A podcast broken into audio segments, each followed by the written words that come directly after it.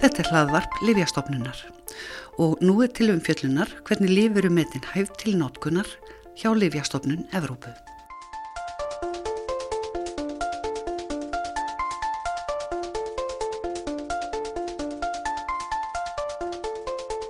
Líklega hafiði almenningur ekki heyrt mikið talað um Livjastofnun Evrópu í fréttum áður en heimsfaraldur COVID-19 skalla á fyrir tveimur árum en á vettvangi þeirra stopnunar fer fram vinna við að meta gæði, öryggi og virkni livja, bæði áður og eftir að þau hafa verið tekin í nótkunn.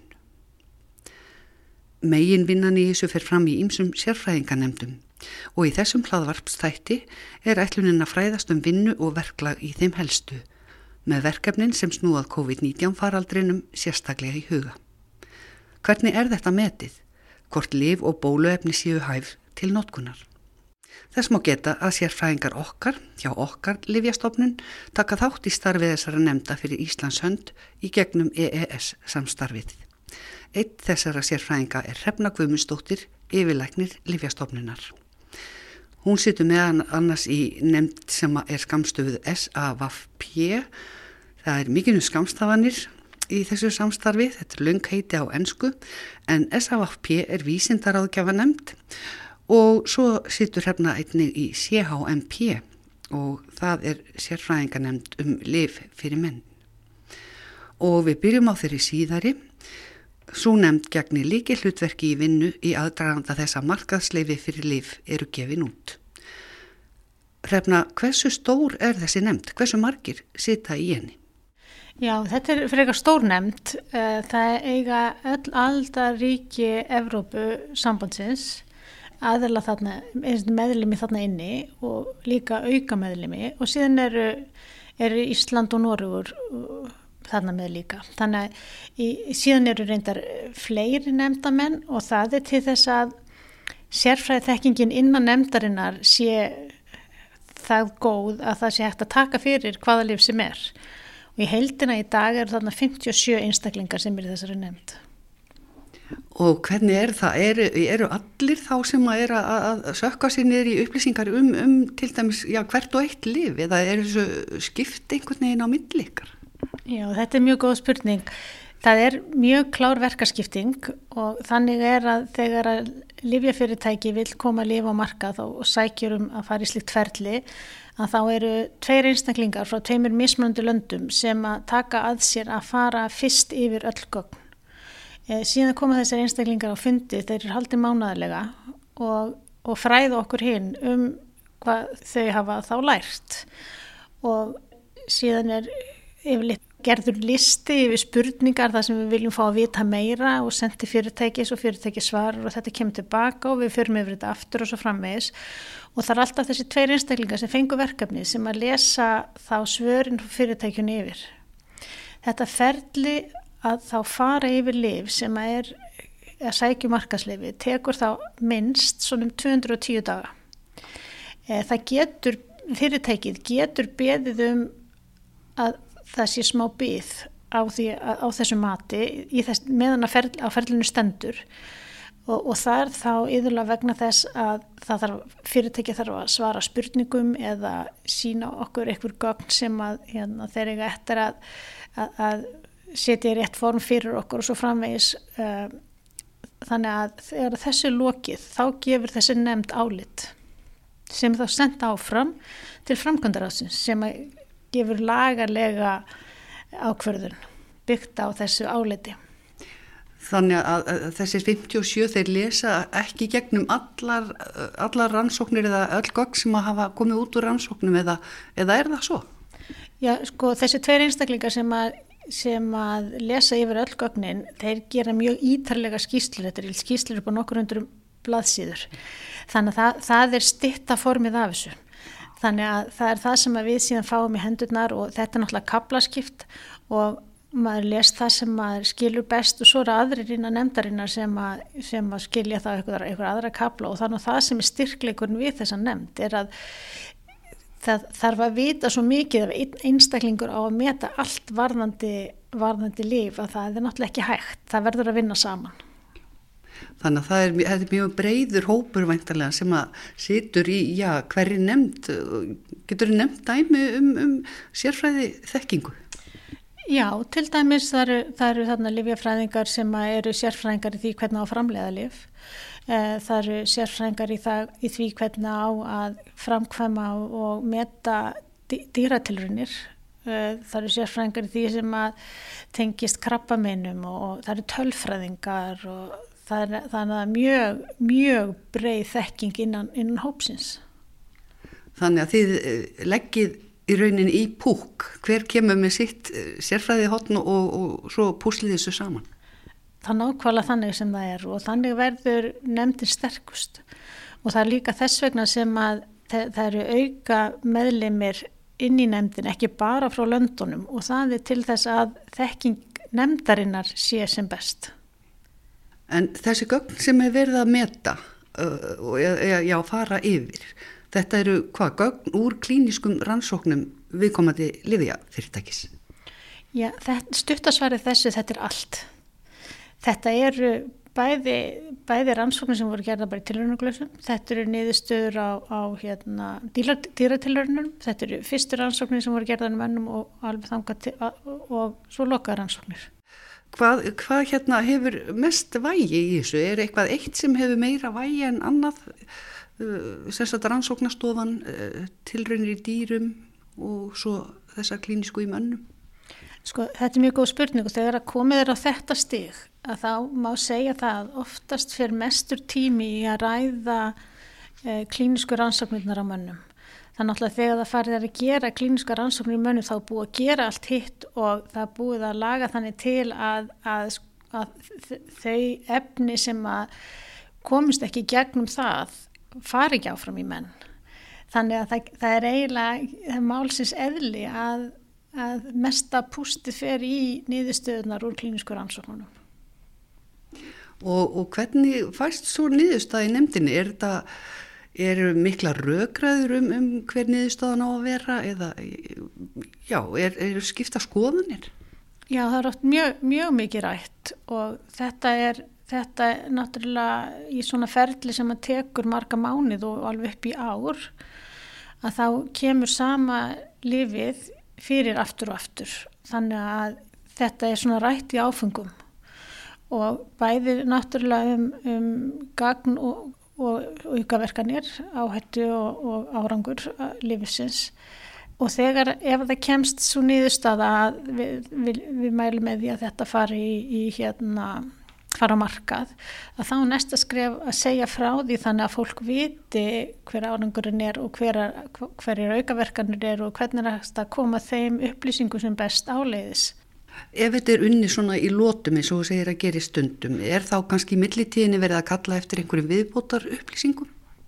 Já, það er nefnilega mjög oft gert að í upprannlega pakkanum sem fyrirtæki sendir að þá kannski koma fram spurningar hjá nefndinni sem er ekki í þessum pakka og þá beðið um það og það er þess vegna sem að fyrirtæki stundum beður um pásu og að fá að koma setna með þessa niðurstöður og þannig að já, það er akkurat þannig. Þú talar um að þetta sé langt ferli og, og mikið og, og eðlilega með við það sem hún segir, hvað þetta er gríðarlega mikið af gögnum og, og mikið umfjöldum sem þarf að eiga sér stað. En svo hefur núna í COVID-faraldrin einsum flítilegum verið beitt eins og til dæmis áfangamatti og já, torstrignir hafa fett fingur út í þetta og verið að tala um tilrænaleif og neyðarleifi en það er engin afsláttur gefin af því að áhætta sé minni heldur en ávinningur. Nei, þetta er það, það sem gerist með COVID er að þessi faraldur skellir á okkur 1, 2 og 3 og, og ef við viljum gefa, koma með lifi eða bólaefni sem fyrst þá er við að býða í heilt ár eftir að fá markasleifi og svo kannski annað eftir, ár eftir að koma lifinu á markað. Eh, við höfum bara ekki þennan tíma þannig að í fyrsta skipti þá var þessu ferli rauninni breytt fyrir lif eða bólefni sem tengjast COVID. Þannig að það sem er gert núna er að í staðin fyrir að fyrirtæki komi með allan pakkan tilbúin í byrjun og kannski einhverja smáverður undantekningar ef við byrjum um eitthvað til viðbótar þá fær, fær fyrirtæki að koma með fyrsta hlutan sem eru gæði livsins e, og dýratilurinnirnar og, og fá mat á því.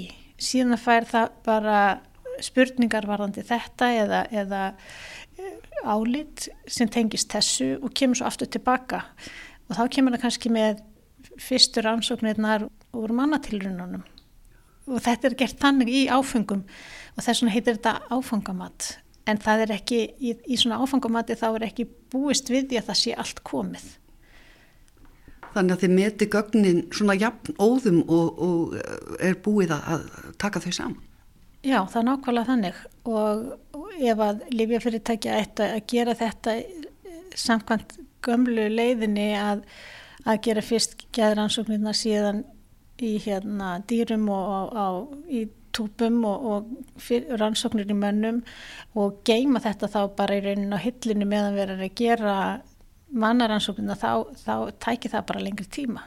En þetta er meiri vinna fyrir bæði lífið og, og okkur að, að metja þetta svona. Því það er ennþá meira fram og tilbaka og heldur en, heldur en í, í hefðbundnu ferli.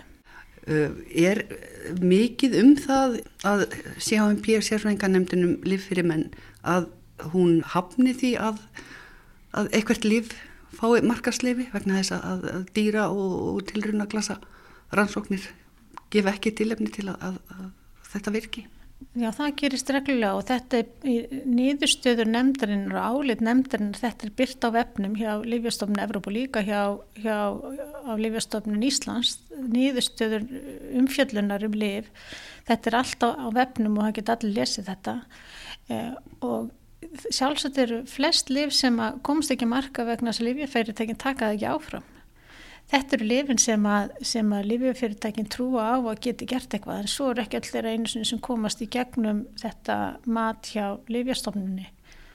En nýðstöðu nefndarinnar og álit eru, þetta er allt byrt á vefnum til þess að sé augljóst hvað er fjallað um.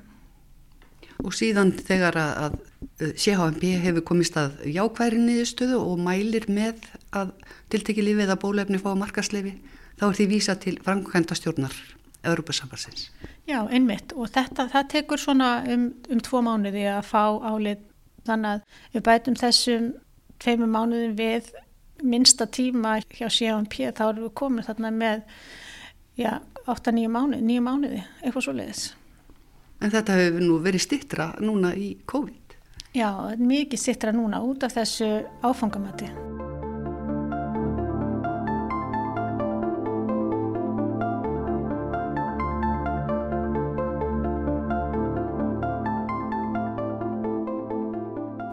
Við erum búin að vera að tala um vinnuna í CHMP sem er sérfræðingarnemnd um líf fyrir menn. Síðan er eh, önnur sérfræðingarnemnd sem er sérum eftirlit með ávinningi og áhættu livja. Þetta er nefndin sem fjallar um öryggi livja og bólehefna.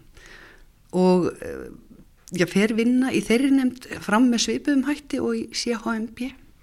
Já, svo nefnd vinnum með mjög svipum hætti. Þau funda líka mánaðlega og þetta er líka svona risastór nefnd. Eh, það sem að öll líf eru tekin í rauninni aukaverkanir lífi það fari granti yfir það í þessari nefnd. Og þau taka sagt, þessa tilkynningar um aukaverkanir og yfirfara þau gögn sem að því tengjast. Já, lífifæritekinn, þau eru, eru skild að skila einn skýslu til þessara nefndar reglulega þessi skýsla getur verið, þeir eru sendarinn misoft, eh, líf sem við þekkjum til 20 ára, það er kannski að 30 ára fresti en eins og í COVID-faraldunum þá voru lífifyrirtækin að senda inn mánaðlega skýslur og, og þessar, þessi gögn, þetta getur verið hvaðana, hvaða gögn rauninni sem er en, en bæður rannsóknum sem er í gangi. Eh, þetta getur líka verið úr, úr þessum gagnagrunni sem að Lífjastofnun Evrópa heldur utanum heitir Júdra Vigilans. Um, það eru allar aukaverkanu til dæmi sem við fáum inn til okkar, það eru sendar inn í þennan gagnagrunn og þannig er því öllum öðrum löndum Evrópu. Og þarna verður þá gríðalegt samsafn af upplýsingum. Og síðan er að vinna úr því þetta er tilkynningar um aukaverkanu síðan næsta skrif er að gera sig grein fyrir því er þessi tilkynning, er hún, er hún raunverulega, erum við að sjá svipaði í öllum löndum eða er þetta bara bundið við eitt land, eh, hverja líkar eru á því að þetta sé raunverulega aukaverkunum eh, sem að endur speklar í rauninu aukaverkunum lífsins. Og hvernig er það metið? Er það metið út frá já, einhverju annari sjúkdómsögu eða ást, líkams ástandi viðkomandi eða hvað, eru er alls konar svoleiðis upplýsingar sem að eru teknar inn í þetta mat? Já sko, þetta, þetta vel er spurt og það er í rauninni þegar að svona er metið þá þarf að gera sér líka grein fyrir því hversu mikið er lífið notað, ekki bara fjöldi tilkenninga, hversu mikið er það notað, um, er eitthvað í, í hvernig, hversu gæði tilkenninga náttúrulega skiptamáli, eh, hvort það er sambarleiki millir landana og svo frammeðis þegar þetta er skoðað og svo náttúrulega vil maður helst sjá hvort að fjöldi tilkynningana einhver einnkjana er meira heldur en getur átt vona á í hinn almenna þýði sem að er sambarilegt og þarna í þessu í, í, í, við nótkunna einhverju ákveðinu lifi. Þannig að það getur náttúrulega verið ansi snúið að, að gera það en, en það er þetta sem að þessi nefnd gerir er þá verið að bera við það sem framkom í, í klínisku rannsóknunum, bera það sama við þessar tilkynningar? Það er, sko, það, klínisku rannsóknunum standa kannski svolítið sér og það er oft hópar sem getur borið sama. Það er rannsóknarhópur sem að færi lifið og svo hópur sem að færi lifið leys og þannig getur bara borið saman um, munin á hvaða aukuverkun það nú er. Það er náttúrulega í gagnagrunnum, það vantar samanbyrðahópin og það verður að reyna að finna þá saman, þennan samanbyrðahóp eitthvað staðar, annar staðar. Og það getur verið hvar sem er. Það getur verið byrtaransóknir til dæmis um eitthvað sjúkdóm eh, hversu algengt einhvað einkenni er. Um, það getur verið í einhvern gagnagrunum sem haldi til haga á, á vegum uh, landana, þetta er náttúrulega mjög algengt að til slíki gagnagrunum sérstaklega á Norðurlöndunum Um, þannig að það er allt sem getur gefið manni grunn algengi einhvers enginis það er þá til, svolítið til samabyrðar Nú, stundum er farið í það ef að það er eitthvað sem maður er óviss með að það ekki hreinlega krafa gerð á lífifyrirtækið þegar það skoði þetta nánar. Það getur komið upp líka þótt að lífið sé komið á markað. Og síðan náttúrulega ef það er einstök, einstök tilvik um einhver alveglegar aukaverkinn þá er stundu kafað ofan í einstök tilvik en þannig að það eru margar aðferðir það má ég segja það En já, þegar kom upp alvarlegar aukaverkanir, hvað er haft til hliðsjónar þegar ég meti hvort að lífið eða bólefnið skuli vera áfram á markaði, hvort það sé óhætt eða hvort hætta ætti notkvæmðis? Já, þetta er mjög góð spurning en ekki til neitt auðveld svar og það fyrir auðvitað eftir því hvað, hvað sjúkdómurinn er alvarlegar. Þannig að maður getur ímynda sér það að ef þú ert með hættulegt krabbamein að þá myndur sætta þig við einhverju aukaverkun. Meðan að ef að verður að, að halda sjúkdómi niðri sem að hefur, gefur engin enginni, að þá sættir þig kannski ekki við þessu aukaverkun. Þannig að þetta þarf alltaf að meta og stundum er nú þannig að sitt sínist hverjum. Það hefur gerðir margar tilrauninu með það að bara gefa einhvert svona, eh, gefa einhverja tölu um hvað, hvað er mikil árangur af þessu og hvað er miklar aukaverkan einhver aðra tölu en það eiginlega gengur illa.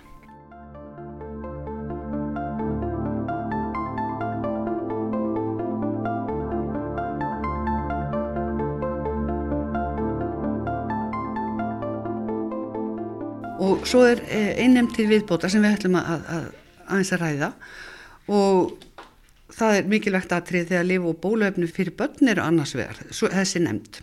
Skamstöfun hennar er PDCO og þetta er sem sagt sérfræðinga nefnd um liv fyrir börn. Og já, hvað, ráðulegur um með hvaða hætti skuli rannsaka virkni livja og bólefna hjá börnum? Já, hún gerir það og þetta er einu svolítið merkileg nefnd því að hún er einu ekkert svo gömul. Eh, ég held að það hefur verið gerð reglugjörð frá því 2007 þar sem að var, það, það er einu byrjar þetta og nú eru lififyrirtæki skild að setja inn rannsóknar áhullin fyrir lifi í bönnum með nokkrum undantekningum. Eh, og þessar undantekningar eru náttúrulega ef þetta eru lif sem eru gegn sjúkdómi sem kom ekki fyrir í börnum og það náttúrulega er óþarfi að gera bara ansaknar áallin fyrir börn. En grunnreglan er þess að öll lifja fyrir tæki að hafa rannsaknar áallin fyrir börn. Og þá fyrir öll lif sem við komum ekki framleiðir? Já, öll lif nema við sækjum undan þá á því að gera þetta og í þessum dæmum sem ég nefndi áðan. Og þetta er mjög mikilvægt vegna þess að börn er ekki litli fullornir og við getum ekki bara markvalda með hérna, eða delt með kílóum og fundir rétt að skamtastærð. Við getum svo sem sagt svona gróft að flest lífærikerfi eru þroskuð við svona tveggjára aldur eitthvað svo les en samt ekki alveg, ég meina börnega eftir að vaksa og þau eftir að þroskast þannig að bein og vöðvar og heilin þetta er ekki alveg full mótað en þá og síðan náttúrulega eiga krakkar eftir að fara í kynþroska og þetta þarf alltaf að hafa, hafa í huga.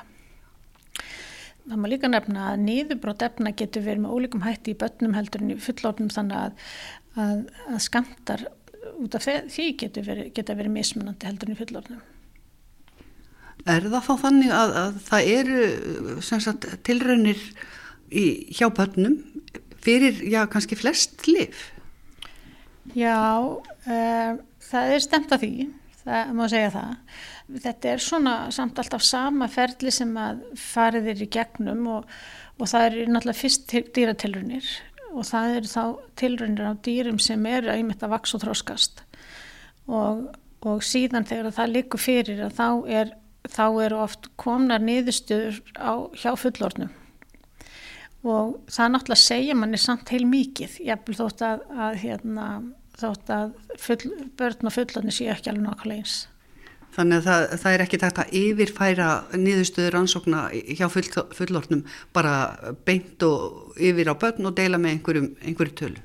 Já sko, stundum er það kannski hægt og þá þarf að koma mjög góð útskýring á því hvers vegna það er hægt og þá er það vegna þess að sjúkdómsmyndin í börnum og fullornum er sambarileg. Mm. Það er ekki alltaf þannig og þú veist líka kannski hvernig, hvernig lifið er, hvernig líka með losar sig við lifið og niðurbrotið er ekki háðun einu sem við vitum að er öðruvísi hjá börnum heldur en hjá, hjá fullornum þannig að þetta er allt skoðað en, en enga síður að það myndi alltaf vera gerð rannsóknar sem er skoðað er hvort að þessi, þessi skamtar sem við mælum með myndi vera réttir en fyrir vikið þá kannski þarf ekki að gera einn stóra rannsókn. Það er hægt að yfirfæra frá fullornum og síðan hægt að skoða í smerri hópi heldur en að gera eh, einhverja helgir en að rannsókn og það er náttúrulega líka hitt vandamáli að það sem betur fyrr, og ég segja þessi vandamál. En það er það auðvitað ekki, börn eru náttúrulega ekki með eins mikla sjúkdóma og fullornir þannig að oft á tíum þá vandar bara börn í rannsóknirnar.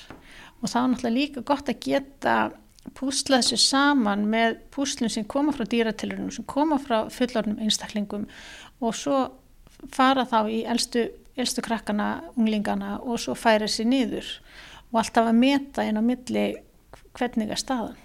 Og þetta hefur náttúrulega séð til dæmis í bólusetningunum. Eldri, eldri krakkanir, unglingarnir fá fyrst, síðan er skoðað og síðan fært, fært niður og e, þannig að við sjáum það mjög svart á kvítu í þessum faraldri hvernig verklægið er.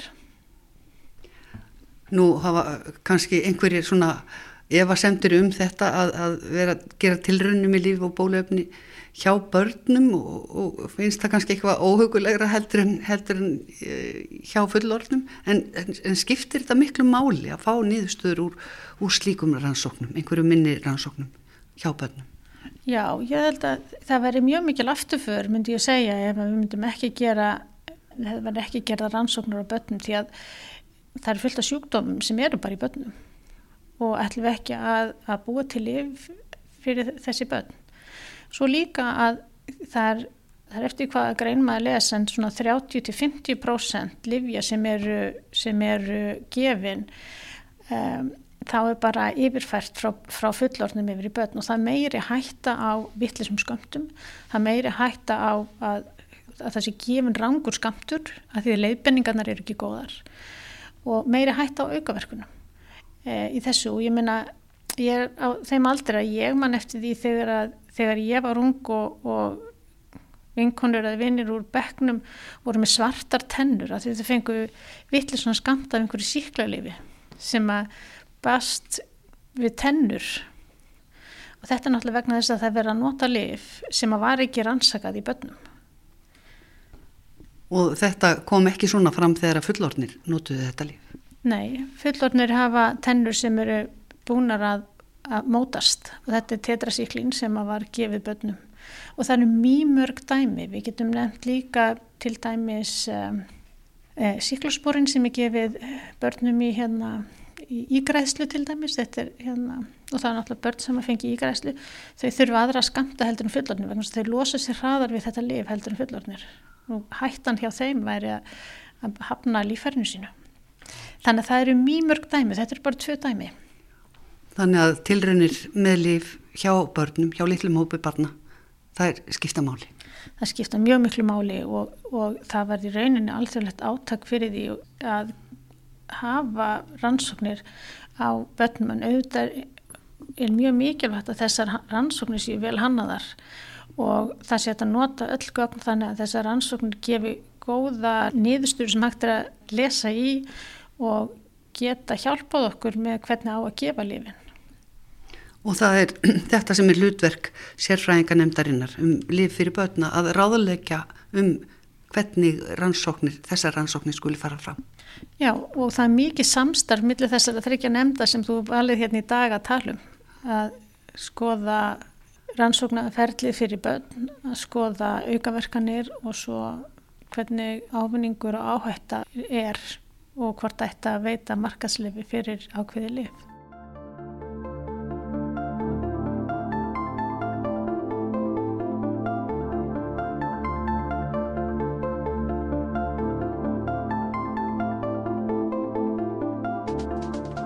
Þetta var hrefna Guðmustóttir yfirleikni Livjastofnunar að fræða um starf þryggja nefnda Livjastofnunar Evrópu sem snýra því hvernig liv eru metinn hæf til notkunar.